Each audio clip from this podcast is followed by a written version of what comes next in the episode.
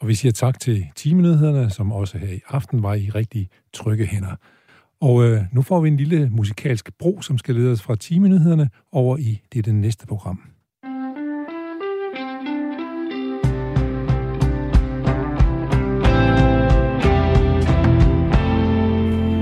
Ja, så ankom vi standsmæssigt til programmet, som hedder Dagen i dag, og mit navn er Jens Folmer Jebsen.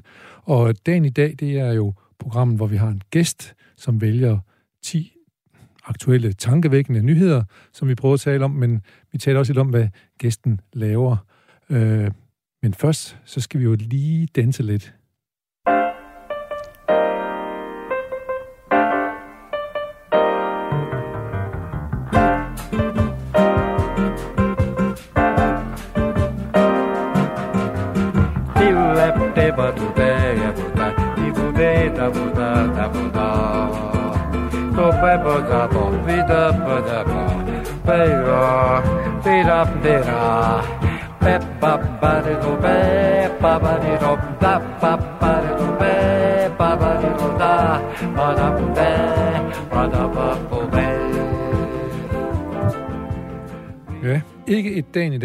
Har en bossa nova. Dagens gæst. Vi har altid en gæst også i dagen i dag, og i dag er det Mika Wulf. Jeg er glad for, at du er her. Og hvad synes du om bossa nova-musik? Jeg synes, det er underligt og ja. umuligt at stå stille til. det er godt. Det opdagede vi også lige pludselig, da vi begyndte at bruge den her sang, så kunne vi ikke lade være med at danse. Så, men det må aldrig, selvfølgelig aldrig blive en tvang, at man skal danse til noget, men, øh, men det er svært faktisk at lade være med at gøre det til det, det her, synes jeg. Ja. Men uh, Mika Wulf, du er lige nu der er du uh, direktør for firma, som hedder Lækkerier APS. Og det, det, man må sige, at det, man er nødt til at være nysgerrig over, hvad fanden det er for noget. Men nu er du her, og nu kan du fortælle os, det, hvad er Lækkerier APS for noget? Ja, øh, Lækkerier APS er den virksomhed, der udgiver det magasin, som jeg er chefredaktør for, som hedder Magasinet Lækkerier, sjovt nok. Ja. Og som er et øh, bagemagasin, som er så nørdet, at det kun handler om brød og kager, desserter og chokolade. Og det er også måske øh, en god idé, at måske, hvis man er virkelig nørdet, så får man fat i dem, der vil have det. Så, altså, hvis man skyder med spredhavl, så fanger man måske ikke interessen ved nogen som helst. Men her, nu ved du, at du fanger interessen ved, i hvert fald ved nogen, ikke? Jo. Ja. Og vi har med vilje kaldt det et hobbymagasin, siden vi startede for fem år siden, selvom det på en måde lyder usekset. Men, ja, det lyder meget men, usekset. Øh, jeg ser sådan nogle værktøjer og sådan noget for mig, sådan nogle ja, blade og så dengang. har vi heldigvis nogle billeder, som kan, sådan, ja, jeg kan, kan gøre se, det op for... Må jeg prøve at se et, et blad her? Ja. Jeg lægger, og, og de, de her blade, som i blandt andet, som er blandt andet en del af de lækkerier APS, som hedder lækkerier, som kommer fire gange om året. Ja, en gang i kvartalet. Ja. Så det, det er ligesom rigeligt. det er rigeligt, ja, men det er også et stort og, og meget farverigt blad. Hvordan, hvordan øh, fortæl lige lidt om, bare kort om, hvordan det blev til. Altså nu, for eksempel nu, jagten på verdens bedste citrontærte. Mm. Så er der nu bare nogle jeg får lyst til at spise forsiden. Det er meningen. Jeg står altid i fotostudiet og siger sådan, man skal have lyst til at slikke på forsiden. Ja, det har man også. så det er godt, godt ja. det lykkes lige med den her. Ja, ja. bestemt. Men, ja. men hvor, hvorfor, hvorfor siger man, at nu skal det skulle være øh, citrontærte den her gang, blandt andet? Altså, hvad, hvad er det for nogle valg, man træffer, når man laver sådan et blad her? Mm, jamen, hvis jeg lige skal spole helt tilbage, så grunden til, at jeg egentlig startede magasinet, det var, fordi jeg fandt ud af, at jeg synes, det var spændende at sådan, øh, gå lidt mere i dybden og nørde med de her ting. Ja. For jeg fandt ud af, at jeg selv var en nørd, ja. da jeg gik på konditorskole og gerne ja, det, det skal jeg høre om lige om lidt, det der. Have, ja. have det hele til at ja. være ens, ja. når det kommer ud af ovnen. Øhm, og så synes jeg, at det er spændende og der er masser af opskrifter derude. Ikke? Du kan bare google citrontærte, ja. så skal du nok finde en opskrift på ja, citrontærte. Ja. Så det, som vi synes er sjovt, det er at så dykke ned i det og teste en hel masse metoder af, og så rent faktisk bruge en masse tid og kræfter på at finde ud af, hvad vi så synes, der virker, og så videre formidle det. Så vi vil egentlig bare gerne, tror jeg, være en kilde, man stoler på. Så det er også, hvad skal man sige, lækkeriernes citrontærte, der er der på. Så altså, I prøver på at sætte deres eget aftryk på de ja, vi har ligesom lige med den her sag gjort et virkelig hårdt arbejde, ja. hvor vi har bagt og bagt og researchet og, og, smagt. og smagt, og det lyder øh, jo øh, vidunderligt, men det kan faktisk være virkelig hårdt, når man sidder der med den 12. citrontærte og skal smage forskel, ja. men øh, det er vildt spændende, ja. og så kom frem til at sige, okay, prøv det, det er den her citrontærte, jeg vil lave fremover nu, ja. fordi nu har jeg ligesom undersøgt det. Og når du så siger vi, er det så dig og en... Det er typisk mig, og så min redaktion, der sidder og, og, og tester det. Nogle ja. gange har vi nogle gæster med, men vi sidder... Øh... Tester det, men også hvem bager kagerne? Gør du det, eller hvad? Øh, ja, det er sådan lidt, det deler vi lidt imellem os. Tit, tit er det mig, og ja. tit gør vi det sammen. Ja. Ja. Og når, når, du, når det er sådan, at du kan bage kager, så er det fordi, at du faktisk har en uddannelse inden ja. for faget. Og det ja. vil jeg gerne lige høre om. Det tog du jo før. Egentlig var du i reklamebranchen. Lad os prøve at starte der. Helt i gamle dage. Uden ja. At, øh, ja. Øh, ja, det startede jeg med. Ja, og blev uddannet i England. Ja. Arbejdede i England. Ja. Kom til København, arbejdede videre i sådan reklame- og markedsføringsverden. Øh, trængte til en pause og flyttede til Paris. Og gik på konditorskole dernede. Ja. ja. Og hvordan var det? Hvad, hvad vil det sige at gå på konditorskole? Er det ligesom at er det en fireårig uddannelse, eller er det... Øh? Nej, det er faktisk hurtigt overstået dernede. Øh, det tager et år, så har man, øh, hvis ellers det går godt, et diplom. Jeg har et diplom derhjemme, hvor der står, at jeg må åbne et konditeri i Frankrig, hvis at, jeg har lyst. Sådan, det, så det kan man kan være, ligesom kommer. dernede vælge ja. skolevejen eller lære øh, vejen. Ja. ja, men ligesom du har lyst til at skifte gear fra reklamebranchen til konditeriskolen i Paris, så kan det også være, at du på et tidspunkt får lyst til at skifte fra forlagsbranchen til en konditorvirksomhed i Frankrig. Ja, det kan ja, være, det er min uh, retirement plan. det kan være, det er det, ja. ja. Øh, jeg skal jo lige huske at, at bruge min egen paratviden og så fortælle, at øh, der er også en anden kendt menneske, som har, øh, som har taget en konditoruddannelse i Paris, nemlig øh, Nordvietnams øh, Ho Chi Minh, den, den, den, den store revolutionshelt. ja. Jeg ved ikke, det er ikke, du er nok ikke gammel nok til at huske det, men i min ungdom, der gik folk rundt i gaderne og råbte Ho, Ho, Ho Chi Minh, Ho, Ho, Chi Minh. Nej, det, det har jeg ikke set, men jeg, jeg har... Øh... Mod Vietnam, ikke? Jo, jo, jo. Vietnamkrigen, ikke? Og så øh, til fordel for Nordvietnam. Og han blev så, han blev så præsident for øh, Vietnam, sådan den første der. Jamen, jeg var slet ikke klar over, at der var den uh, lighed mellem mig og Ho Chi Minh. Så du skal bare vælge et land, du gerne vil være præsident i. ja, ja, ja. Nej, men du har nok ikke lyst til at være statsminister lige i Måske kan nå det til kommunalvalget. Måske kan du jeg skulle skynde dig. Nå, men så, så blev du konditor i Paris, øh, uddannet der, og hvad så? Jeps. Jamen, så, øh, så skulle jeg finde ud af, hvad jeg så skulle jo, og havde egentlig ikke øh, nødvendigvis øh, lyst til at arbejde som konditor, eller, eller lyst til at åbne en butik. Øhm, og så skrev jeg artikler til politikken dernede fra, og synes, det var vildt spændende. Læste et magasin dernede, som var utrolig nørdet og meget øh, detaljeret omkring øh, hele konditorfaget, og, øh, brød og bageri osv. Og, så videre. og så fik jeg lyst til at, at gøre det samme herhjemme, altså at skabe et medie, som kan være samlingspunkt for alle, der har den her hobby. Og så startede du, startede du med magasin, eller startede du med læggerier APS? Sådan, Nej, jeg, jeg er læggerier Group. Group, ja, ja, ja. jeg har faktisk en sæd, hvor der står læggerier ja. Group, som lidt var en joke, men... Uh, men du er ved du bevæger dig op af. Men ja, jeg har efterhånden fået eksekveret de ting, der står på listen. Men ja. jeg startede faktisk uh, magasinet som en app for seks år siden. Udkom tre magasiner som en app, og så lavede jeg det om fra en app til et printmagasin, ja. som det er nu. Så det er, og og det, hvor, hvor køber man bladet? Ligger det ude hos øh, kioskerne og så videre? Ja, eller, og Føtex, Bilka, alle steder. Og abonnerer ja. på det også, ikke? Ja, lige præcis. Øh, men, det, men læggeri af bladet er jo kun en del af det, som er under den hat, der hedder læggeri af APS, ikke? Øh, jo, men det er ligesom sådan ryggraden i det, vi laver, ikke? Øh, så, og det, jeg vil, nu får du lige en ordentlig snak Ja, jeg prøver at kigge på dem, ja. uden at det sådan bliver en reklame, men jeg, jeg måske godt forklare, at det er lidt sådan et bookazine, kalder man det, ikke? Så det er sådan en blanding mellem en kogebog og et magasin. Ja. Så det betyder også, at det er noget, man, man gemmer, og det betyder også, at det er noget, vi stadigvæk sælger, de gamle øh, magasiner. Så, det, det kan jeg godt forstå. Så øh, vi har lige fået genoptrykt de to første, der udkom for to år siden, for eksempel. Altså, jeg ved jo om dig, at du var bosat i Paris i 2013 og 2014. Mm da du gennemførte diplom patisserie med udmærkelse på Le Cordon Bleu i Paris. Og så efterfølgende, der var du faktisk i praktik, ikke? I, hos topkonditoren Pierre Hermé. Jo, der kom jeg lige, blev lige sluppet ud i den virkelige ja. verden der, og fik Men... lov til at, øh, at, at, mærke den der franske køkken, øh, hvad hedder det, militær stil, de havde dernede. Ja. Just, Pierre Hermé, det er jo kæmpestort i, øh, i Frankrig, ikke? Jo, jo, han ja. er jo sådan øh, stjernen ja. over dem alle, og kåret som verdens bedste konditor og så videre, så sådan, øh, han er et household name ja. i Frankrig. Ja. Men, men en ting er så at lave de her Nord madeleine her, for eksempel. Ja. Øh, noget andet er jo at tage billederne. Det må, det, altså, hvem har den evne til at se, her er et fedt billede? Jamen, det er jo et samarbejde. Heldigvis har vi en sindssygt dygtig fotograf, så øh, ham læner vi os rigtig meget op af. Ja. Det hedder Chris Tonnesen, som er meget dygtig og øh, er med til at skabe de der forsider, som man har lyst ja. til at, at spise. Jeg skal lige, øh, jeg skal lige vise Sarah Luna ude i, øh, i, derude i... Hvad siger du til gåsebryst? Hun siger, åh, det ser rigtig godt ud, den der. Det er meget godt, du hører den frem, fordi ja. det er nemlig ikke, du ved, kun franske kager det hele, men Nej. der er sådan plads til lidt af det hele. Øh, men, men jeg er alligevel nødt til at høre noget mere om, hvad er der under, ellers under den hat der? Jamen, så er der, øhm, vi holder konditorkonkurrence en stor konkurrence, der hedder Lækkerier-prisen for professionelle konditorer, hvor vores læsere kommer som publikum. Og, øh, og de... hvem bedømmer dem? Gør du, eller hvad? Nej, jeg har et dommerpanel, som ja. jeg ikke selv er med i, men ja. som øh, Maja Vase for eksempel, som er en del af min redaktion, ja. er dommer i, og det skifter lidt fra år til år. Ja. Øhm, og, øh, ja, og så har vi også en konkurrence for vores læsere. Alle dem, der, der er jo rigtig mange, der er vilde med at bage og dygtige til at bage, og det er jo ikke alle, der kan blive kastet til bagdysten, så det er sindssygt fedt at ligesom give dem en, en scene også at komme ind på. Ja, Lige præcis. Ja. Så det, det holder vi også hvert år. Så holder vi dessert med med sølvød ro hvert år. Alle mulige forskellige events. Øhm, og så har vi et forlag, hvor vi udgiver kogebøger. Så det er jo sådan beslægtet med magasinet, ja, ikke? Ja.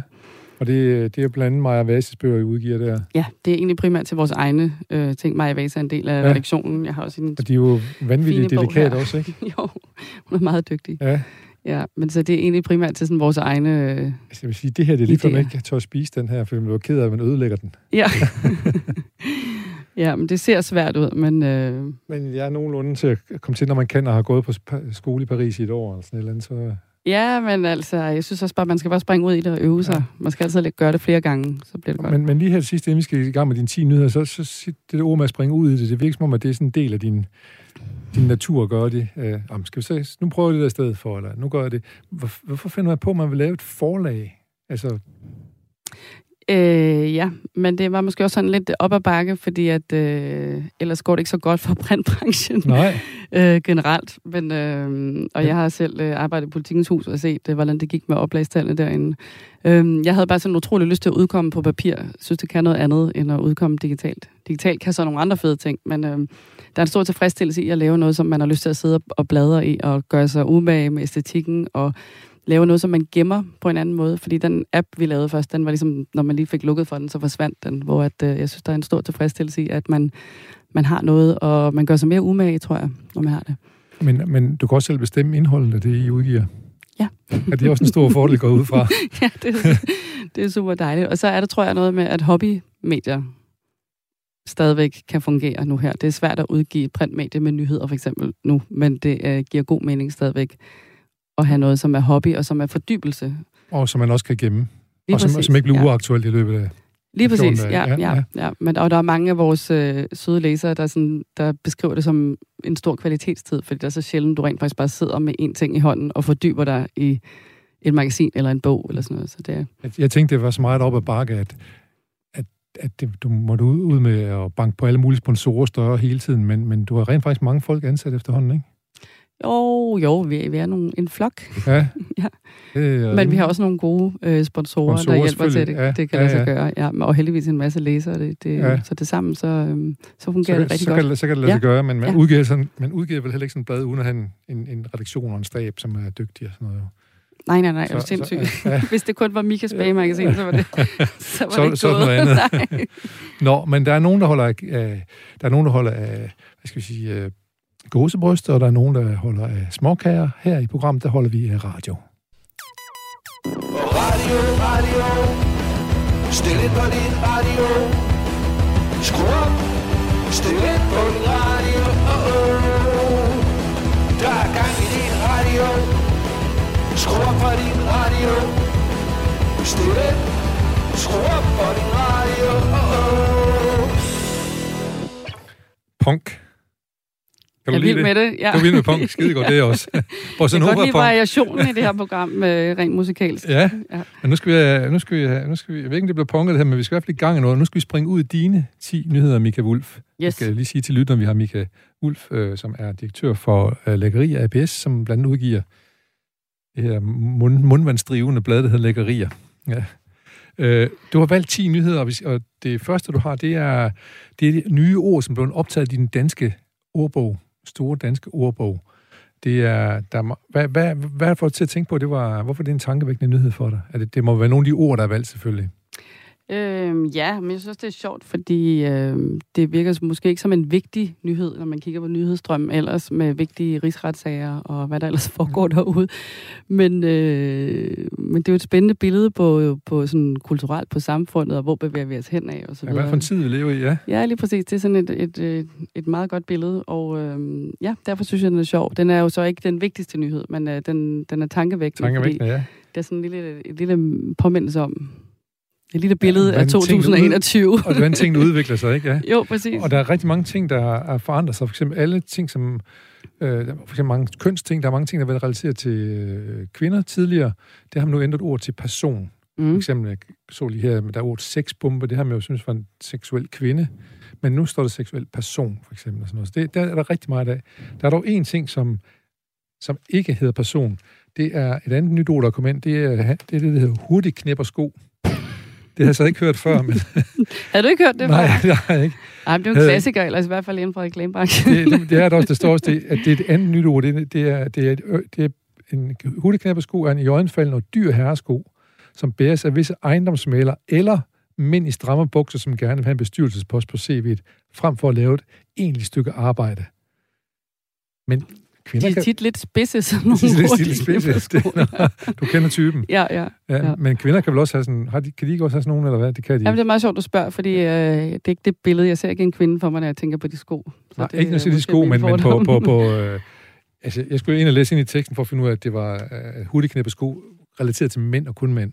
Nå, okay. Ja, ja. Men man skal selvfølgelig kende betydningen, men så er det ja. ja, maskulin så, så, så, giver, så giver det helt sig selv. Ja. Så er der også kommet en hel masse omkring økologi og så videre, ting, der er sket i, i tiden. Er der andre ord, du har bidt mærke i? Som...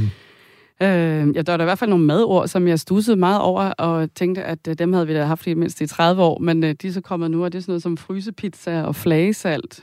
Ja. Og pølsemix. Ja, pølsemix. som var der det helt nye. Det, øh, og det, det har vi jo savnet, ikke? Mig. ja, ja. Ja, nogen har jeg vidste sagt... ikke, at det bare var slang, det vi har sagt Nej. de sidste 30 år. Men jeg tror, der, står der ikke pølsemix på det, ja.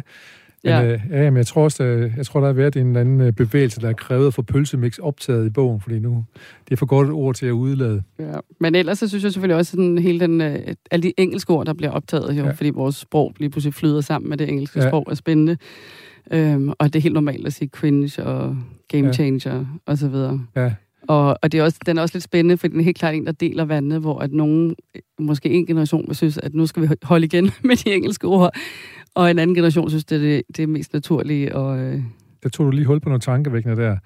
Synes du bare, at vi skal go with the flow, og så, og så tage alle de engelske ord ind så, så meget som muligt, eller at vi, at, det, at, at efterhånden blev sådan ligesom blevet en, plan, en bland planet?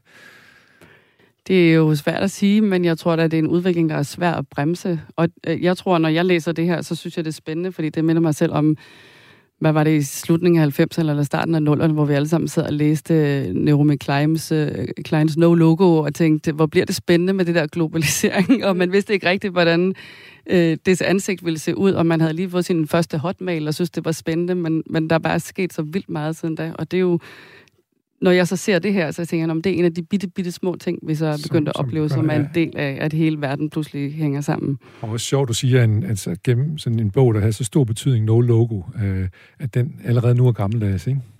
Jo, men... Øh, Man kan godt læse den endnu, Evigt ikke? relevant, åben. ja. ja. Lad os prøve at gå videre til din øh, nyhed nummer 9. Det handler om en helt til ukendt dinosaurtype, som er opdaget i Grønland. Man har fundet to øh, øh skelethoveder fra dinosaurer i Grønland. Øh, Hvorfor, hvorfor synes du, det er tankevækkende? Det gør du, fordi at der synes... er også nogle forskere, der har fundet og, og synes, det er tankevækkende. Ja, det er klart, ja. ja og så, ja, det springer lidt her fra, det, det skal det gøre. til ja. dinosaurer, ja. men øh, jeg tror bare, at der er et eller andet dybt fascinerende for mig i, at vi kan finde nogle ting, der har levet på jorden for over 200 millioner år siden. Ja, det er tu- og som vi kan så bruge til at blive klogere, og det siger mig et eller andet om sådan den menneskelige race, og hvor, hvor uendeligt spændende vi, vi er. Vi bliver klogere hele tiden. Også ja. ved, man bliver også klogere ved at gå tilbage i tiden og kigge på ting. Gør man også det med, for eksempel med, inden for din aktuelle branche med kager og sådan noget der, bliver man så også klogere af at gå sige, hvordan, hvordan gjorde min mormor egentlig? Hvordan lærte hun egentlig kager og sådan noget? Eller, Ja, selvfølgelig. Ja, ja, ja. Man ja. søger altid tilbage til en eller anden kilde af en eller anden art, om ja. det så er Escoffier, eller ja, hvem det nu ja, ja. er, der, der har skrevet det ned. Også fordi, at i hvert fald inden for mad, og også, også inden for kager, er der jo altid øh, masser af historie. Så I magasinet har vi altid en hel, en hel artikel, der hedder Madhistorie, hvor vi hiver et eller andet frem, fordi måske tænker man ikke over, når man står og spiser sin kransekage nytårsaften, hvor, hvorfor startede vi egentlig med det? Og du ved, tit er der jo mange øh, politiske ting, og er bare i forhold til den måde, vi, vi har lært op, eller ikke lært, men fået mulighed for at bruge sukker for eksempel som jo var meget øh, svært for fat i engang, og kun var for de allerrigeste og så videre. Og se, hvordan at alle de penge, vi har tjent på sukkerplantager, har bygget København, og sådan pludselig står, så står du der med din pose sukker og... Og bruger, og bruger alt for meget og sukker. Tænker, ja, ja, men det er jo spændende at tænke på, sådan, øh, ja. hvordan det har rødder tilbage i tiden, og ikke bare en pose sukker. Og så og historien om sukker er også historien om roarbejderne fra især Ungarn, som kom til Lolland Falster. Jamen, det er jo det. Ja. Der er utrolig mange spændende mange historier. Spændende ting, ja. Ja. Og men nu er der sådan en spændende historie her, som går 240 millioner år tilbage. Man har fået de her hoveder, øh, de, de bor faktisk i København, men lige nu der er de på udstilling i Portugal. Og, men det her, det minder mig om, at der var en nyhed her for ikke så længe siden, hvor der var en rigmand, som har købt et, et dinosaurskelet for over 60 millioner. Ja, det så jeg godt. Det så du godt. Ja. But why? Ja. Han var bare træt af at stå i kø nede på Naturhistorisk Museum. Naturhistorisk Museum, jeg ved det ikke. Ja. ja. Og for mange penge, sikkert, ikke? Ja, jo, jo. Nu, nu, nu kan jeg høre på dig, at du gerne vil have nogle gode overgange, så det ikke bliver så brætte overgange. Så nu siger jeg, at de der dinosaurhoveder, de hører til, skal bo i København. Og øh, nyhed nummer 8, den handler lige netop om København. København blev ikke klimaneutral i 2025, som de ellers har lovet. Nej. Ja. Det kan man både blive tanke, det er både tankevæk, men man kan også blive lidt vred over det, eller hvad? Nej, jeg tror måske, jeg har haft nogle helt andre briller på, ja. da, jeg, da jeg skrev det, men det er egentlig fordi, at øh, i artiklen bliver det også nævnt, øh, at Visit øh, Copenhagen, er det Visit Copenhagen, eller Visit ja, Danmark? Ja, ja. Danmark, ja. ja som er ind over det. Og øh, det, som jeg måske synes er det tankevækkende, det er den der meget stærke link, der er mellem klima og så branding. Og det er nok min, jeg har nok ja, reklamebriller ja, på, når jeg kigger på, nyheder. Men det er vel også men, men jeg synes, det er lidt spændende, ja. at, øh, at klima på den måde er blevet så sexet, så det er noget, man sådan gerne vil du ved, brande sig så på. Så turistforeningen står og siger, nu øh, skal vi prøve så vidt muligt at holde det, vi lover. Ja, det er faktisk med, blevet en turistting mere, ja. det sådan, så det hele smelter sammen. Det er branding, og det er politik, og det er... Hvad, hvad, sker, der, hvad sker der så, hvis en, ens brand, brand blev utroværdigt? Det må du vide noget om så. Jamen, det ikke, så har man jo et problem. Det er vel ligesom, hvis man som politiker jo, man, bliver utroværdig, ja, ja. så skal man, øh, så skal man uh, finde på en uh, ja. nødløsning. Jeg, jeg tænker bare, nu skal jeg lige, jeg lige bruge det som brandmand. Hvad nu, hvis det går galt for... For, for København, de ikke får det, og så så de turistforeningen. Hvad skal de så gøre? Fordi så bliver de utroværdige, ikke også? Og så, puh. Jo, men der er jo altid den der risiko, når man gerne vil stemple, altså bryde sig med et eller andet, ikke? Og sige, hvis det, hvis det pludselig begynder at klinge for hult, alle ja. de CSR-ting, man, man gerne vil pynte sig med, så, ja, så, så, er det jo, så, gør man, så har man jo et utroværdigt brand. Og så skal man arbejde hårdt for at komme tilbage på sporet. Men reklame, er det ikke en lille smule overdrivelse? Om den her historie? Nej, ikke den her, men det er sådan generelt. Jeg vil spørge lige ind til din generelle viden Nå. omkring ting. Altså, om man skal gøre det, om man skal... Er reklame, er det, skal man ikke altid tage det lidt med en grænsalt? Fordi det, man prøver at gøre det lidt flottere. Ja, ja, ja, ja. lidt mere lækker, lidt mere alt muligt andet. Jo, ja. man skal nok tage det hele med grænsalt, nyheder og reklamer og alting, ikke sådan lige have sin sund fornuft med. Ja. Men øh, ja, fordi jeg synes med klima, der er det tit lidt sådan, at man, man leder efter en god historie, man vil gerne have noget emblem, man kan bryde sig med, og det kan jeg godt lige være på vagt over for. Ja, og ligesom man kan blive på vagt over for det der med FN's klimamål, når de er overalt hele tiden. Det er simpelthen sådan et, et, et sådan et saying, man skal have med, når man laver en ansøgning, ikke? Det er blevet et logo også næsten, ikke? Sådan, ja, det er blevet ja, en logo, ja. ja. ja. Øh, nå, det skal vi ikke uh, sidde og lave her, men vi håber, at København kommer nærmere, men det er jo så uh, enhedslistens uh, miljøborgmester, som siger, at vi når det ikke. Nej. Det, jeg kan ikke stå her og love, at vi, vi når det, for det gør vi ikke. Nej, men på et tidspunkt skal vi nok nå Der skal det nås, ja. Tænker jeg. Men det er også lidt spændende, men det kan være, at jeg, jeg interesserer mig for nogle helt andre ting, når jeg læser klimaartikler. Men jeg synes også, det er spændende, hvordan man regner det ud, for eksempel. Ikke? Og det er jo også det, der viser sig nu, at man har lige regnet det ud på en anden måde, end, du ved, jeg, jeg er nok lidt på vagt. Det, ja. og leder efter, øh, efter og, de faldgrupper, og, og, der er. Og du er i gang med opskrifterne også. Hvad for nogle ingredienser er der i det her og sådan noget? Ikke? Ja, ja, men ja. jeg synes, det er spændende at komme ned i det og sige, det hvordan bliver man øh, CO2-neutral CO2 ja. som modestad? Ikke? Ja. ja. Og, hvordan, og hvordan kan man... Øh, man ikke sige snyde, men hvordan kan man bruge en anden beregning, som viser, at nu er vi så tæt ja, man på. man kan lidt på tallene. Ja, ja, ja. ja, det synes jeg er spændende at holde øje med. Uh, vi bliver lidt med det her med øh, CO2-aftryk og så videre, og klima. Fordi din nyhed nummer syv, det uh, er, siger, at uh, CO2-aftrykket for verdens rigeste 1% vil være 30 gange større i 2030, end hvad der er forenligt med at nå uh, mål i Paris-aftalen om maksimalt 1,5 graders temperaturstigning. Huha, der var ikke mange punkter i den. Uh, men, men altså, de, det, det her går ud på, det er, at den rigeste 1% af verden, de er altså lidt nogle lømler.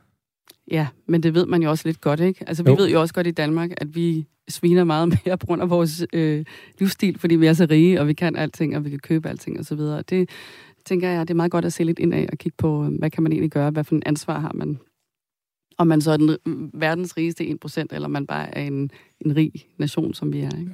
Og det er jo også, øh, hvad skal man sige, påfaldende, hvor mange penge en meget, meget lille del af, af verdens befolkning ejer, ikke?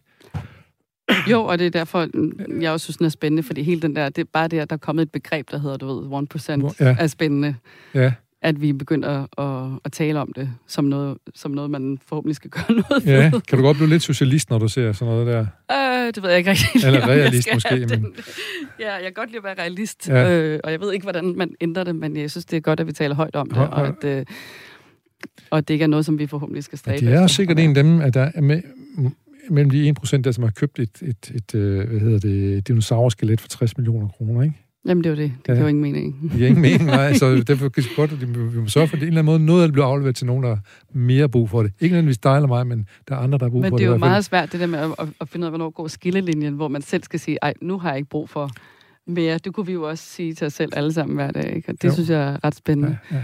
Der var så der var en spændende dokumentar, kan jeg huske, om, øh, om øh, de tyske bankmænd der under øh, skatte øh, svindelskandalen. Nå, ja, Panama-papirerne og sådan noget. Ja, der, som ligesom ja. forklarede det der med, hvorfor bliver man ved, og han sagde sådan, at det handlede om for ham, at ligesom, du ved, I made it, og så kom man øh, flyvende på business class eller first class, og det hele var fedt troede han, indtil han kiggede ud af vinduet og så, der kom ind i et privatfly, ikke? Altså, det kan hele tiden, man skal hele tiden lige have lidt mere. Man skal hele tiden vækste.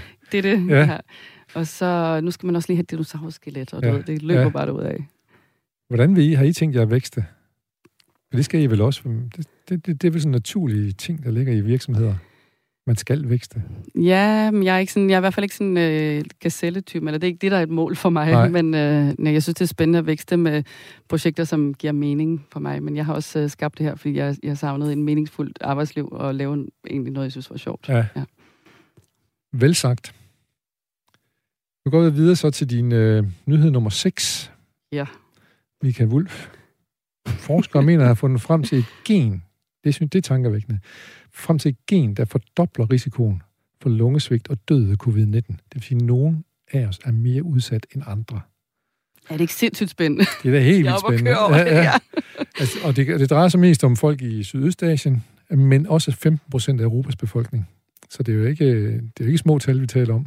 Nej, men jeg synes, øh, jamen det, det, den på en eller anden måde hænger lidt sammen med dinosaurushistorien. Det der med, at at vi lever, vi ved så meget i den her tid, men vi bliver bare, vi står midt i det, og vi bliver ved med at gøre nye opdagelser og lære mere og mere om fortiden, men også om os selv, om den menneskelige krop. Tænk på, hvor, hvor lidt vi ved om vores hjerner, hvordan de fungerer osv. Så, videre. så jeg synes bare, det alt, alt er spændende, når ja, det kommer til, til, til mennesket ja, på den måde. Og det er vildt, man finder ud af sådan noget her, ikke? Jo, meget spændende. Der må ja. sidde nummer med nogle, med nogle pinder for nogle gener frem og sidde og kigge på dem under nogle reagensglas. Jeg synes, det er monsterspændende. Det er helt vildt spændende. Ja. Øhm, men jeg har, nogle, altså, jeg har også nogle gange tænkt på, at der, jeg synes, der er nogen, de, de blev enormt nemt hurtigt smittet. Når, hvad har du lavet?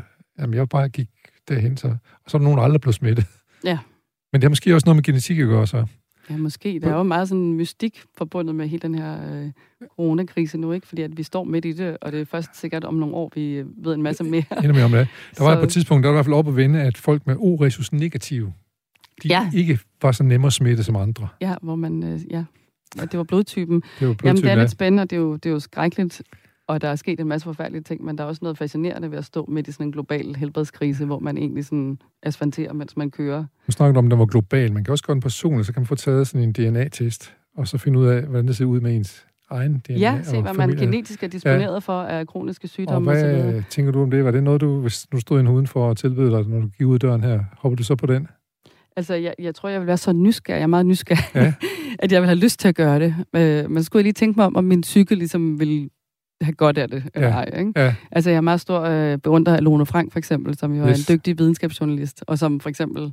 Hun, hun kørte den helt igennem. Har jeg øh, gjort det, og, og det er jo fantastisk spændende. Ja. Og øh, ja, jeg ved sgu ikke rigtig, om jeg var, om jeg var frisk på det eller ej. Nej. Jeg vil være meget nysgerrig. Ja, også, det kunne også risikere at afsløre noget, som at du rent faktisk kunne nå at gøre noget så du fik et lidt øh, både sundere og rigere liv måske. Altså, ikke? Ja. ja. Jeg, ved, jeg ved heller ikke, hvad jeg vil sige. Jeg blev introduceret for det for 10 år siden i, øh, sådan en New Yorker-samtale øh, i USA, hvor øh, man kunne vinde og få sådan en. Wow, okay. Ja. Hvad skulle man gøre? man skulle jeg kan ikke huske, hvad det var, men øh, jeg tror bare, man skulle lægge en seddel. Det var sådan en fordragsrække af forskellige ting, og så var de her fortælle om, om DNA, og så ville de så tilbyde, at øh, de første fem, der blev trukket, de kunne få sådan en gratis der. Det, jeg, jeg lader altså ikke sted, jeg behøvede ikke få det at vide på det tidspunkt, synes jeg. Ej, men det er lidt spændende, ikke? Jo, altså det, det der med følelsen af, at man kan få det at vide, men man vælger at lade være, den kan jeg heller ikke så godt lide. Men, Nej. Men, men i sådan et land som USA, der er det også lidt spændende at få det at vide. Det skal du i hvert fald være sikker på, at du kan følge op med de nødvendige behandlinger, og du har den øh, forsikring, så skal der skal til. Så skal have en sygeforsikring, ja. ja. ja. for helvede da. Nå, men øh, for eksempel, når jeg havde været i USA, nu lige for at lave en lille bro igen, som det har jeg jo lært af dig her. Øh, når jeg kommer ind på hotelværelset, der, og det har jeg sikkert også oplevet, så tænder de fjernsynet lige med det samme. De der, der hjælper en op med bagagen. Som om det er det eneste saliggørende, og den største luksus, det er, at der er tv, der kører på ens værelse. Vi har, her i programmet har vi lige råd om, at en gang imellem kan man måske godt sætte en tændstik til sit tv. Brænde sit tv, og så høre noget radio i stedet for at se, hvad der så sker. Brænd dit tv, luk dine øjne og se.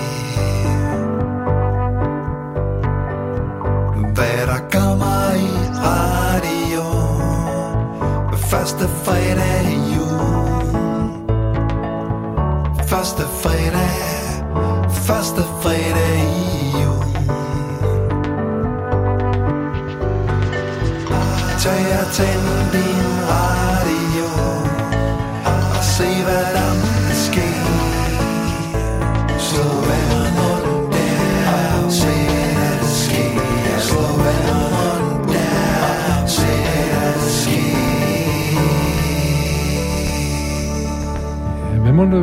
du lytter til noget mere radio? Det kan man jo se, hvis man prøver, og så man skal nok lige slukke for fjernsynet først. Det er jo sådan en blanding af bossa nova og Beatles, det her. Det kan jeg egentlig også meget godt lide. Ja. De har, jeg ved ikke, det er sådan lidt musical-program, det her. I stedet for at sige ting, så får vi dem sunget. Så. Er det, jeg sad og tænkte på, er det de samme øh, sange, du spiller hver uge? Eller ja, mange af dem er. Ja, okay. og, og, og, så er der nogle nye, som vi kommer til lige om okay, lidt. Ja. Der er hele tiden nogle nye, og så er der også nogle, som er ligesom signatur for det her program. Jeg er meget vild med det. Jeg kan godt lide det der kampråb nærmest. Ja, det er godt. det er godt. TV. Ja. Jeg har ikke brændt min tv, men jeg har ikke flow. Tæller det så lidt? Ja, det tæller helt fint. okay. øh, og nu nævnte jeg så lige i New York for i forbindelse med det her, og det leder os jo simpelthen helt vildt flot hen til nyheden nummer 5, som du, Mika Ulf, direktør for Lækkerier APS og redaktør for Bladet Lækkerier, har valgt. Jeg har lært, at man skal lige huske at holde seerne i hånden, eller lytterne i hånden, og Ja. Vi har lige haft musikalsk. Hvem var det nu, der sad og ja. snakkede der? Ja. ja. Det, det, du har fundet noget om nogle fagforeninger her i USA, og om noget covid. Ja, ja. Jamen, øh, det skal, jeg tænkte, det skulle være lidt covid jo med, ikke? Det skal vi da. Mange gange der var det kun covid, men nu... Nu, nu er det reduceret ja. til to nyheder ud af ja. ti, tror jeg. Ja. Og, de er også, og de er virkelig tankevækkende, for den ene, det var den, der handler om, om øh, som vi lige har haft, som handler om det her gen, ja. som gør, som, som, dem, der har bestemt gen, de bliver hurtigere, eller har en større risiko for at blive syge, meget syge. Og det her, det handler faktisk om, om tvang. Kan man tillade sig at tvinge folk til at få en vaccine? Ja, præcis. Og, Hvis ja. jeg må, må jeg bryde ind, fordi ja. den her øh, hænger faktisk sammen med nyhed nummer 4 også. Jeg har lagt dem op af hinanden. Ja. fordi at, øh, jeg synes, det er sådan inden for samme kategori. Så tager vi den med. Den handler om, ja. det er om vin. Ja. Hvor de vil være til at se coronatest igen, inden man går ind på øh, bar, restauranter, hoteller og frisører osv. Ja, nyheden er, at, at en coronatest ikke er nok, men at du skal have en øh, vaccine, eller en, at, at du skal have haft corona. Ja. Øh, og jeg synes, øh, jamen, jeg har taget begge to med, fordi jeg synes, det er spændende. Igen, vi, har, vi står med det, den her corona-pandemi, har aldrig prøvet noget lignende, og det sætter bare ild i så mange spændende spørgsmål. Og her synes jeg, at det her øh, handler om etik, og hvad kan man egentlig tillade sig? Og det er jo spændende at se på, hvad, hvordan er det kulturelt betinget, og hvordan, hvad gør andre i, i andre lande. Ikke? Øh, men, øh, men det her med, kan man tvinge folk til at tage en, en vaccine, synes jeg bare, øh, det er spændende. og jeg har ikke øh, nødvendigvis... Øh, jo, jeg ved godt, hvad jeg mener om det. Men, hvad mener men, du så om det? Ja, men jeg synes, at øh, man skal have lov til at have sit frie valg. Helt klart. Men synes du så også, at... Øh, så må jeg er vaccineret, men... Øh, ja, jamen, det er også... Men, jeg kan godt men, lide, at jeg har gjort det frivilligt. Jeg synes også, det er helt ok, at man har sit frie valg, men så må man også indse, at det har nogle konsekvenser måske. Ja, det er øh, klart. Men altså, jeg synes, det er spændende her. Grund til, at jeg har taget den med fra New York, fordi ja. der er det nogle fagforeninger, der går ind, ja. og man kan sige, det handler lidt om sådan det private arbejdsmarked på en eller anden måde. Men så øh, historien fra Wien er ligesom next level etik, fordi der er det faktisk øh, altså, en offentlig instans, altså byen, der går ud og siger, at du må ikke bruge byen, medmindre du er vaccineret. Så det er sådan, øh, det er sådan to niveauer. Den ryger lige et, et hak op, synes jeg, når det er, at, øh, at synes, det bliver en offentlig beslutning. Synes du, ja, det har været sådan i New York, at øh, man har besluttet sig for, at øh, alle, der arbejder for staten, byen og staten, de skal vaccineres. Og det var her 1. november, ellers var det ud. Ja, Nå, var, det er så der, det der samme. Var, det er også lige så voldsomt. Ja, der, var sådan, der, jeg tror, der var 9.000 politimænd og brandmænd og sådan noget, som ikke fik det gjort. Ja, det er ret vildt, ikke? Ja, det er ret vildt, men, ja. men jeg tænker også 9.000, det, det må også være en lille procentdel. Ja, okay, det lyder som et højt tal, men ja, selvfølgelig... Det er, jo, det, er jo ikke, det er jo ikke Aarhus, vi snakker om. Eller. Nej. Så, øhm, men hvad synes du om det der med nede i, øh, i, i Wien? Man siger, at vi vil gerne se, øh, en, en, at du har fået en vaccine. Jamen, jeg synes, det er voldsomt, det synes jeg. Og jeg synes, at øh, vi havde nogle gode erfaringer her med øh, test og coronapas og så videre. Så nu ved jeg ikke, hvad situationen er i Wien, men hvis man for eksempel nu i Danmark, i stedet for at gennemføre coronapasset, bare gik direkte til at sige, at du skal vaccineres, hvis du vil øh, nu ved jeg ikke, om det er i supermarkedet, men hvis du vil i biografen eller i Tivoli eller et eller andet, så vil det stå voldsomt. Man sige, kan, vi ikke, kan vi ikke prøve at genindføre coronapasset og kviktest og PCR-test, og så se, hvor det, hvor det fører hen, ja. om det kan redde situationen. Det synes jeg vil være... Øh, vi ser, hvad, hvad, der, hvad, og, og prøv lige at følge lidt med i, hvad der sker nede i Wien, om folk de gør revolte, eller hvad de gør. Ja, altså, om de skynder sig ned og bliver vaccineret, det er jo spændende at se. Ja. Om, om de mennesker, der ikke er vaccineret, ligesom om, om, om de ændrer holdning, eller, eller men det er jo sjovt, der er masser af vacciner, man får, altså kopper og øh, øh, polio fik jeg i folkeskolen i hvert fald, ikke? Og det, der var ikke en, der stillede spørgsmålstegn med det. Nej. Ja. Jeg skal lige huske at sige her, vi skal, når, hver gang jeg får lejlighed til at nævne ham, så nævner jeg ham. Han hedder Jonathan Salk. Han er øh, en mand, der opfandt en øh, vaccine mod en stor, stor plage, der var lige så stor som covid, nemlig polio. Og øh, jeg har set sådan et billede af mig, der står sådan en hvid kilde, sådan en, en lidt ældre mand, der står og misser mod solen. Han har siddet for længe ind i, i laboratoriet, så står han, øh, forestiller man sig, tager hænderne op siger han, vi har fundet den. Vi har fundet en vaccine mod polio. Det er vores gave til menneskeheden. Men han er jo en stor held. Han er fandme en Han vil ikke være en af de der 1%. Nej, han, han vil han sgu ikke, du. Han vil gerne få den. Ja, ja. Vi, han er, det, vi nævner ham nemlig, fordi han er, er vores held. Og man kan også godt næsten håbe på, at nogle af de her medicinalfirmaer, de snart vil skynde sig gratis og sprøjte en masse vacciner og så videre ud til øh, tredje verdensland, som har brug for dem, ikke? Ja. Det er spændende. Det var en anden tid, åbenbart. Ja. Ja. Eller hvad? Jeg kan ja, en anden tid. jeg tror ikke, medicinalfirmaerne var lige så store og havde lige så mange øh, investorer, de skulle jeg gøre glade. Også, jeg tænker også, at det var stat, statslige øh, research, der blev lavet dengang. Ikke? Ja. ja. Men jeg, jeg skal lige finde ud af noget mere om Jonathan Salk. Det kan være, at Sarah Lune, hun kan lige kan slå Jonathan Salk op og se, om han var, bare var en tilfældig læge på et hospital, eller om han var en del af den farlige medicinale. Ja, hvem var han egentlig ansat af? Ja, Spændende. hvem var han ansat af? øh, så fik vi klaret to... Øh... Men undskyld, hvad, hvad, hvad mener du, folk mig om de her... Jeg mener om det. Jeg mener, det var det, jeg sagde, jeg synes, at det er sådan set, at folk selv må vælge, men de skal også vide, at hvis, hvis du vælger at vælge det fra, så er der også ting, du ikke kan. Ja. Som min nabo siger, du kan heller ikke få lov til at gå med bare røv hen i børnehaven og arbejde, for eksempel. Nej. Der er ting, man ikke kan, hvis man vælger at ville noget bestemt. Og der er det jo voldsomt, kan man sige. Det er fint nok, at du ikke kan gå i biografen, men sådan, hvis du pludselig ikke har et arbejde mere, så er det ret voldsomt. Så bliver det ret voldsomt, ja. ja. Så, så er det gang i den. Men, men jeg synes, øh, jeg synes ikke, der er smarte betingelser på. Også fordi øh, jeg tænker lidt, at noget af det, der afgørende for mig også, er, at det handler ikke kun om en selv, det handler om det, man udsætter andre for. Og lige ved Spanien, der er en familie, der er delt helt op for øh, to. Jeg snakker med den ene bror, han er vaccineret, og søsteren og, og den anden bror, de vil ikke. Og det far har lige været indlagt for kræft øh, med hospitalet så øh, de må ikke komme op til ham. det er ret vildt. Det er jo også, men det er også spændende at møde de her mennesker, altså, og dem, der mener noget andet, eller har valgt en, at gøre noget andet end en selv, og så forstå enig. bevæggrundene. Enig, fordi, enig. Men jeg har ikke øh, helt forstået den endnu. Nej, jeg hører om det i hvert fald, ja. og så se, om man forstår det. Ja. ja. Men øh, nu har vi i hvert fald øh, taget hul på noget af den tankevækkende debat her i programmet. Øh, nu skal vi til at høre om... Vi har lige haft en radio-jingle, så nu skal vi snakke mere om radio. Ja, den her nyhed passer rigtig godt til den uh, jingle, vi havde før. Ja, faktisk begge to, med at brænde til tv og radio. radio. Og høre noget mere radio, ja. ja. Øhm, det er Radio Loud, som måske har fået mere omtale end den radio, vi sender fra nu, Radio 4, på trods af, at de så ikke har haft nogen lyttere. Det må man sige, eller måske derfor. Måske derfor, ja, det er nok derfor, ja. Øh, men hvad tænker du om, øh, at, at, at Radio Loud nu vil blive overtalt af Berlingske Tiden og de ting, der sker der? Øhm, ja. Det er jo sådan, at, at Berlingske de øh, har købt en kæmpe stor andel af det, og så købt nogle af alle de små radioer ud, som egentlig fik koncessionen på at lave radioen. Ja, Så de ender med, hvis alt går vel, og ejer over 90 procent. Ja. Ikke? Ja. Jamen, øh, jeg synes, øh, det er jo en, en betændt sag. Meget. jeg synes, øh, øh, jeg var ked af måden, som 24-7 blev lukket på for, øh, er det to år siden? Var det, ja, det er, det er det vel. Den her station er lige godt to år, ikke? Ja. Så, ja. Øhm, og, øh, og der har været så meget, øh, der har været så mange beslutninger, som har været svære at forstå udefra i forbindelse med, øh, hvad hedder det, Loud og helt udbuddet med 24-7, ja. øhm, som har lignet en fadese, og, øhm, og det, jeg har været personligt glad for, at det har fyldt meget i medierne, og at du ved, folk har været kritiske over for radionævnet, og, og, og hvad det, de beslutninger, de tog dengang. Ja. Øhm, Udover at der var et udbud, men, men, men jeg synes også, der er noget voldsomt i at bruge så mange øh, skattekroner på at bygge noget op, som folk er glade for, for så at, at pille det ned igen. Ja. Øhm, men nu er vi jo der, og nu er Loud øh, gået i luften, og jeg synes, øh, jeg, jeg har meget svært ved at se, hvordan man sådan set bare kan øh, ændre på produktet, uden at, at betingelserne egentlig er ændret. Altså, og ændre navnet, som man kalder det 24-7, i stedet for, som lægger snublende ned op af Radio 24-7. Ja, jeg forstår ikke, hvorfor man ikke bare kalder det, en, altså forsøger at kalde det Radio 24 ja, eller noget andet. Ja.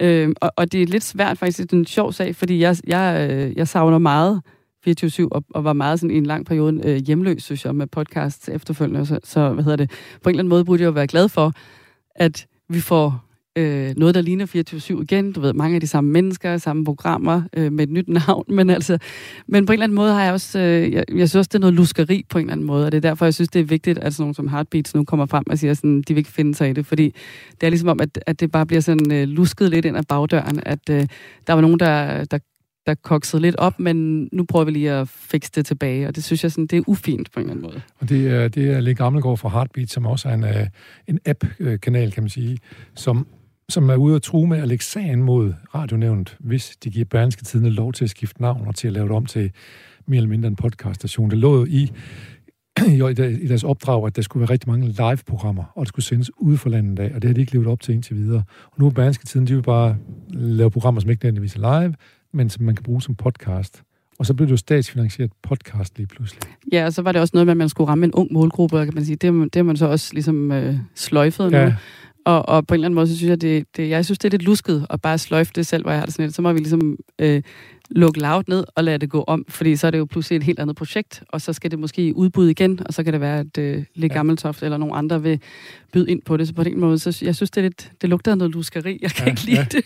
Nej, jeg kan Selvom lide at, øh, jeg rigtig godt kan lide 24 ja, jeg, tror, ja. det, jeg tror, det en anden. Man kan sige, mange af 24-7-folkene, de gamle 24, Radio 24-7-folk, de har jo lagt afstand til det her projekt, ikke? Jeg tror, ja. der er en, der gik så vidt som til at sige, kaldte det 24-20. Ja. 24-20, ja. Ja, 24-20, ja. ja. Øh, jamen, så jeg synes, det er spændende, jeg kan godt lide, at øh, der er nogen, der viser lidt tænder og siger, prøv at høre, I kan ikke slippe afsted med det der så ja, lidt. Nej. nej. Og I skal ikke have 100 millioner over to år, eller mere end 120 millioner, hvad det nu får over to år, til at lave podcast, som I kan sælge bagefter, og så vi andre, vi skal ud og finde penge til det hele tiden. Ja, der er også sådan et princip ja. i det, ikke? Ja. Det her med, at der var et udbud, og ja. det gik som det gik, og radionævnet tog en beslutning, og du ved, så må man ligesom, så må man melde klart ud, at øh, det var en dårlig beslutning. Ja. og nu, så tage den, tage den om igen. Tage den om igen, ja. ja. For at se, om, det, om de vurderer det for at være for besværligt eller hvad. Men nu skal vi i hvert fald lidt bedre humør. Nu har vi været lidt sure og vrede med god grund over, over det der med lavet og sådan noget. Øhm, vi skal lige have en sang fra en film, du måske kender. Den begynder sådan her lidt det stille. Er vi ude i en musikquiz? Eller? Nej. Nej. Men jeg vil også gerne fortælle, hvad det er. Det er en film, der, som øh, hedder Le Festine på fransk, som handler om en lille rotte, der laver mad.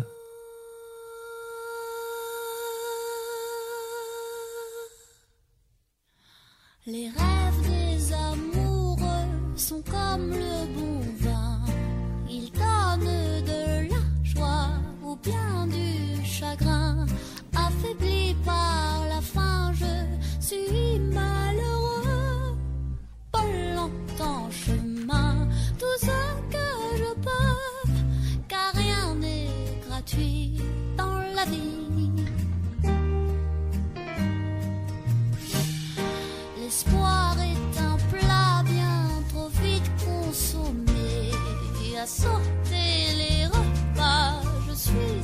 dear Herman.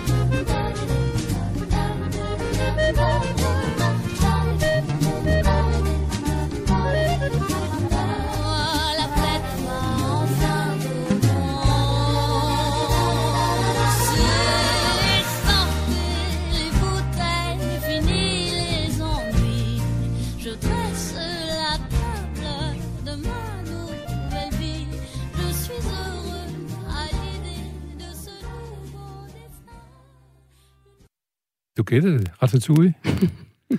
ja. du er næsten hjemme igen i Paris der. Ja, man lukker lige øjnene, og så kan man se sig selv komme gående på sådan en brosten med et baguette under armen, der dufter friskbagt, og en lille æske med noget silkebold med nogle fine kager. Oh, ja. ja. Men dejlig musik, Synes du ikke, det var det, der lød som? Jo, helt klart, helt klart. En på en øh, parisisk gade. Ja, fantastisk. Øh, og så hvad hedder hun... Øh, øh, Camille, som synger, synger plejer at være sådan lidt mere aggressiv sang end sådan noget, så laver hun det her helt ynefulde søde noget der, som er helt vildt godt altså også, ikke? Ja. Og passer perfekt til filmen om Ratatouille, som, skal vi lige sige, er den rotte, som viser sig at være rigtig dygtig til at lave mad, og redder en restaurant. Der er en, en, en kok, der er en, som ikke ja. lave mad. Lille Remy, ja, ja. han sidder oppe i kokkehulen. Ja. Ja. ja hvis man ikke har set den, så skal man se den. Det er en Også selvom man ikke interesserer sig for mad. Det, det, den, den kan alt, den film der, synes ja. jeg. Og, den, og man kan, voksne kan tage deres børn i hånden og gå ind og se den. Ja, ja. jeg har bare set den med mine børn. Ja. I håbet om, at øh, det var faktisk inden jeg skulle lave ratatouille. no. og håbede, at, øh, at det ville glide bedre ned, hvis de lige havde set, øh, set. Ja, filmen der, først. Ja, ja. ja. Så skidegod film, og så fik vi også lige øh, nævnt i Paris, hvor du jo har været i konditorlærer nede og boet i... Hvad boet du nede to år, eller hvad? Nej, et års tid. Et års tid, ja. ja. Hvor boede du henne dernede? Jeg boede øh, Rive Gauche, som man siger, syd for ja, floden. Ja. Øhm, så sådan nogenlunde i cykelafstand fra øh, Cordon Bleu, som øh, var skolen, jeg gik på. Ja. Ja, så jeg lige kunne... Rive Gauche, det er også den venstre, hedder det ikke også det, eller hvad? Jo. jo og, det... og, det er jo der Bohème-kvarter og sådan noget der, ikke? Og, ja. Eller ja. i hvert fald var en gang. Ja, ja men øh, jo, det er det nede sydpå, tæt på Luxembourg-haven og ja, så videre. Ja. ja, meget dejligt. Det er det. Ja. Øh, vi skal videre med, med dine, dine nyheder. Vi mangler faktisk kun to. Mm. Nummer to, den hedder titaniumdioxid bør snart være forbudt. Og det ja. er jeg helt enig i. Men nu ja. må du forklare, hvorfor du er glad for den nyhed ja. komme. Ja, men jeg er glad for den nyhed, øh, fordi at, øh, det handler jo om øh, madfarve, altså farver i vores fødevarer. Det er det, der står med E et eller andet på, som Ja, på som jo er umuligt at forstå. Ja, ja. Men, men øh, jeg har lidt en, øh, et, en ting, jeg går op i, og det er, det er sådan nogle madfarver i fødevarer. Og øh, jeg synes, der er noget med, at vi ikke ved nok om, hvad vi putter i vores mad ja. generelt. Og øh, det er derfor, jeg, ligesom, øh, jeg, jeg, jeg havde lyst til at snige øh, en enkelt fødevare-nyhed øh, med ind her. Ja. Men altså, titaniumdioxid er det, som er specielt i den hvide farve. Så det, der gør, at du kan farve mad hvid. Ikke? Øhm, og det er, er blevet forbudt i Frankrig, hvor det også bliver brugt meget, i, specielt i konditoriet. Og det blev ikke forbudt bare fordi, at det farver maden hvid, men det blev forbudt fordi, at det er formodentlig er kraftfremkaldende, ikke? Jo, ja. præcis. Ja, ja, selvfølgelig. Der er en god grund til, at, ja. det, at det er forbudt. Og øh, der blev det forbudt øh, i starten af to, altså ved årsskiftet til 2020. Og øh, på en måde synes jeg, at det er en katastrofe, at øh, vi er så langt bagud i Danmark, hvor jeg tænker, burde vi ikke være, burde vi ikke være foran? Altså, altså fordi jeg synes, øh, du ved, Øh, det hænger sammen med miljø og klima og alle de her ting, at vi tænker over, hvad det er, vi, øh, vi putter i munden. Og specielt, hvad vi putter øh, i børnenes mund. Fordi det, som jeg i hvert fald opdager inden for bageopdaget, øh, bageområdet, det er, at tit de ting, der skal være mest farverige og spændende, det er det, som børnene skal have. Og det er ligegyldigt, om det er deres is, eller det er deres øh, fødselsdagskage, eller hvad. De skal bare have fuld gas på alle mulige pangfarver. Ja, ja. Øhm, og det er ikke, fordi man skal være frelst eller noget, men, men det er bare det er lidt spændende at se, hvad det er, der er i. Øhm, og selvom det er små doser, så er der jo mange af de farver, som er lovlige, hvor der stadigvæk står på, på emballagen, at, øh, at det kan give ADHD og damp og alt mulige forskellige ting, hvis man så, får så, for meget så, af så det. Der, så der er en grund til nogen... Så jeg synes, vi, kan, ja. vi kan tåle at være lidt mere vakse og vågne omkring, hvad det er, og er det nødvendigt med det hvide farve? Ikke? Og der er jo for eksempel, en ting er konditoriet, men, men øh, der er nogle for eksempel salatdressinger, hvor man tilsætter det, fordi at det ser for kedeligt ud, hvis det er gennemsigtigt osv. osv. Og, og jeg synes, det selvfølgelig er dejligt, at det er blevet, øh, eller bliver forbudt forhåbentlig snart i Danmark også. Øhm, og så håber jeg, at det kan være anledning til, at man kigger nogle flere ting ja, for der, efter. Der, der er nok at tage fat på, må Der er nok at tage fat på. Og så tror jeg, så, at jeg synes, at vi som forbrugere godt kunne tåle på en eller anden måde være bedre klædt på, fordi øh, du, du vender pakken om, og så ser du bare sådan en lang række af e-numre, og du ved ikke, hvad der er farver, hvad der er, hvad der er konserveringsmidler, og, og så videre, så videre. Så jeg vil på en eller anden måde ønske, at vi kunne indføre sådan endnu et mærke, man kan sætte på maden, hvor der står her, der er tilsat farvestoffer, ja, for eksempel. Ja, vi, vi har nogle gange her i programmet snakket om, at det er mærkeligt, at der står økologi på noget. Det burde faktisk stå, at der var det her, at, at udgangspunktet var, at alt skulle være økologi, og så skulle der stå ja. tilsat ja. giftstoffer. Indeholder sprøjtemidler, ja, ikke? Sprøjtemidler, jo, det kunne være meget spændende. Ja, ja. ja, lige præcis. Hvorfor er, det hvorfor er den konventionelle... Øh, Måde hvorfor er det på, ja, ja. egentlig ikke økologi? Ja, ja. Ja. Men, øh, men sådan noget som for eksempel... Nu nævner et eksempel som jordbæris, du kan købe. Det er ofte farvet med rødbede, fordi det giver sådan lidt mere en skarpere lyserød farve, ja. så det ligner endnu mere jordbæris. Så det kan man faktisk gøre i stedet for? Det kan man nemlig ja. godt, men det sjove ved det er så, fordi at rødbeden er tilsat ikke som smagsgiver, men som farvestof, så fremgår rødbedesaften også som et e-nummer på bagsiden. Så ja. på den måde er det jo komplet umuligt at, at finde rundt i som forbruger når du køber noget. Du kan simpelthen ikke... Finde ud af, hvad er det for noget, der egentlig er noget Nej, rigtig giftstas, og hvad for noget er det? Ja, lige præcis. Er egentlig okay og sådan noget, ja. ja. Øh, men har, har du indtryk af her helt kort, inden vi skal til din nyhed nummer et, har du indtryk af, at vi har en, der er nogle stærke virksomheder, som lægger pres på øh, at bevare det her, fordi de kan betale sig for dem at have de her ting? Mm, det ved jeg ikke. Altså, jeg kan også se meget... Øh, der er mange virksomheder, som også griber chancen, og så kan se, hvor det bærer hen af, og som er begyndt at bruge det som noget positivt i deres markedsføring. Så for eksempel så jeg en pose vingummi, så, hvor, der, der var blå, hvor der stod, at det var farvet med rødkål, for eksempel. På, eller, og så er vi tilbage til det der med København, der ikke blev klimaneutral 2025, fordi at det, man, eller hvor København forsøgte at brande sig med, at man vil være klimaneutral. At det kan betale sig faktisk at være at brande sig med nogle gode ting. Ja, forhåbentlig. Ja. Og så kan man jo altid diskutere og sige, at men gør de store virksomheder det ikke bare, fordi de kan se en god forretning? Og så kan man sige, jo, men men det gode er jo så, at de gør det, og så kan de vi bare gå ja, ja, med vores forbrug men, på den måde. Ikke? Men jeg kunne ja. se, et af problemerne med de her e-numre i Danmark, det er, at der er så meget emballage, som ikke er brugt endnu. Så man er nødt til at blive ved med de her e-numre, ikke? Det er også helt absurd, ikke? Jo, man skal altid have lang øh, varsel for ja. at udfase ting, ja. ikke? Men specielt det med farver, synes jeg er spændende. Men det er jo selvfølgelig også, fordi jeg møder det meget i min hverdag. Til sige, og vi har det, haft øh, lange artikler om, hvordan du for eksempel, hvor kan du erstatte noget farve med noget naturligt? For eksempel ja. rødbedesafter ja. og gurkemeje og sådan nogle ting. Men altså for eksempel sådan en... Øh, citrontærte, vi taler om, ser jo fuldstændig lækker ud med det der hvide gule og brune, sat sammen der, ikke? Og ja. så er der en rød fisk her også og sådan noget. Altså, man behøver åbenbart ikke de farvestoffer der. Nej, jeg kan også godt lide brun, brun bagværk, det synes jeg er dejligt. Ja, ja. Men øh, ja, der er vi masser af... Vi skal simpelthen skynde os, ja. Forsvarsministeriet, øh, som nu vil udfase brugen en ny noget, som måske også er godt. De vil også forbyde brændskum med de giftige PFSA-stoffer. Det, der er rigtig mange brandmænd og forskellige andre, der er blevet syge af de her stoffer. Der er også øh, folk, der har spist kød nede i Korsør, fra en, øh, som har græsset på en bestemt mark, hvor man har udledt det her PFSA, øh, PFAS-stoffer. Så øh, hvad, er det, hvad tænker du på her? Jamen, grund til, at jeg har taget den med som den vigtigste øh, nyhed, det er jo fordi, som vi har kortest tid til. Ja, det er skønt. Ja. Øhm, kort, at øh, jamen, jeg synes, det er utrolig vigtigt. Jeg synes faktisk, det er en kæmpe historie, og forstår ikke, hvorfor den ikke fylder mere i medierne. Så det er også for at slå et slag for sådan noget her. Ikke? Og det er jo, øh, at øh, meget af vores grundvand er forurenet. Det kan tage op til 50 år at rense op. Vi er ikke engang gået i gang med at rense op endnu. Vi har ikke engang fået resultaterne af, af de prøver, der er taget, og ved, hvor øh, er grundvandet forurenet. Og øh, jeg synes, det er vildt ærgerligt, og jeg ved ikke, om det er, fordi det her bare ikke er sexet nok til, at der er nogen, der gider at skrive om det, men jeg vil ønske, at man gjorde, for jeg synes, det her er super vigtigt.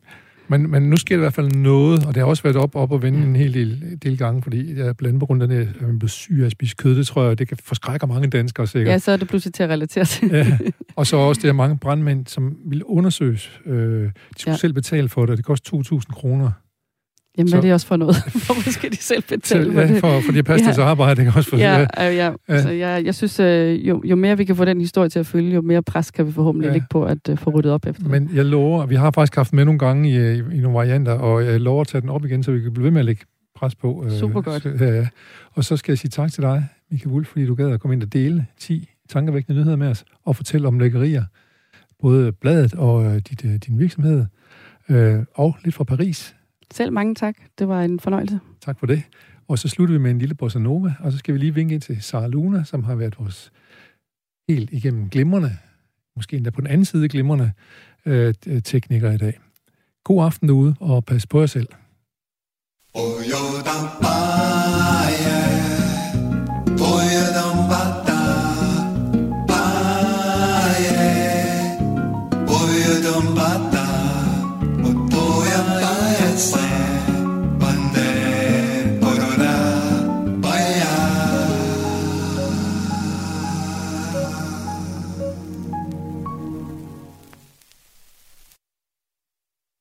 Om lidt, så er der nyheder, timenyheder, og øh, vi er troværdige igen i dag.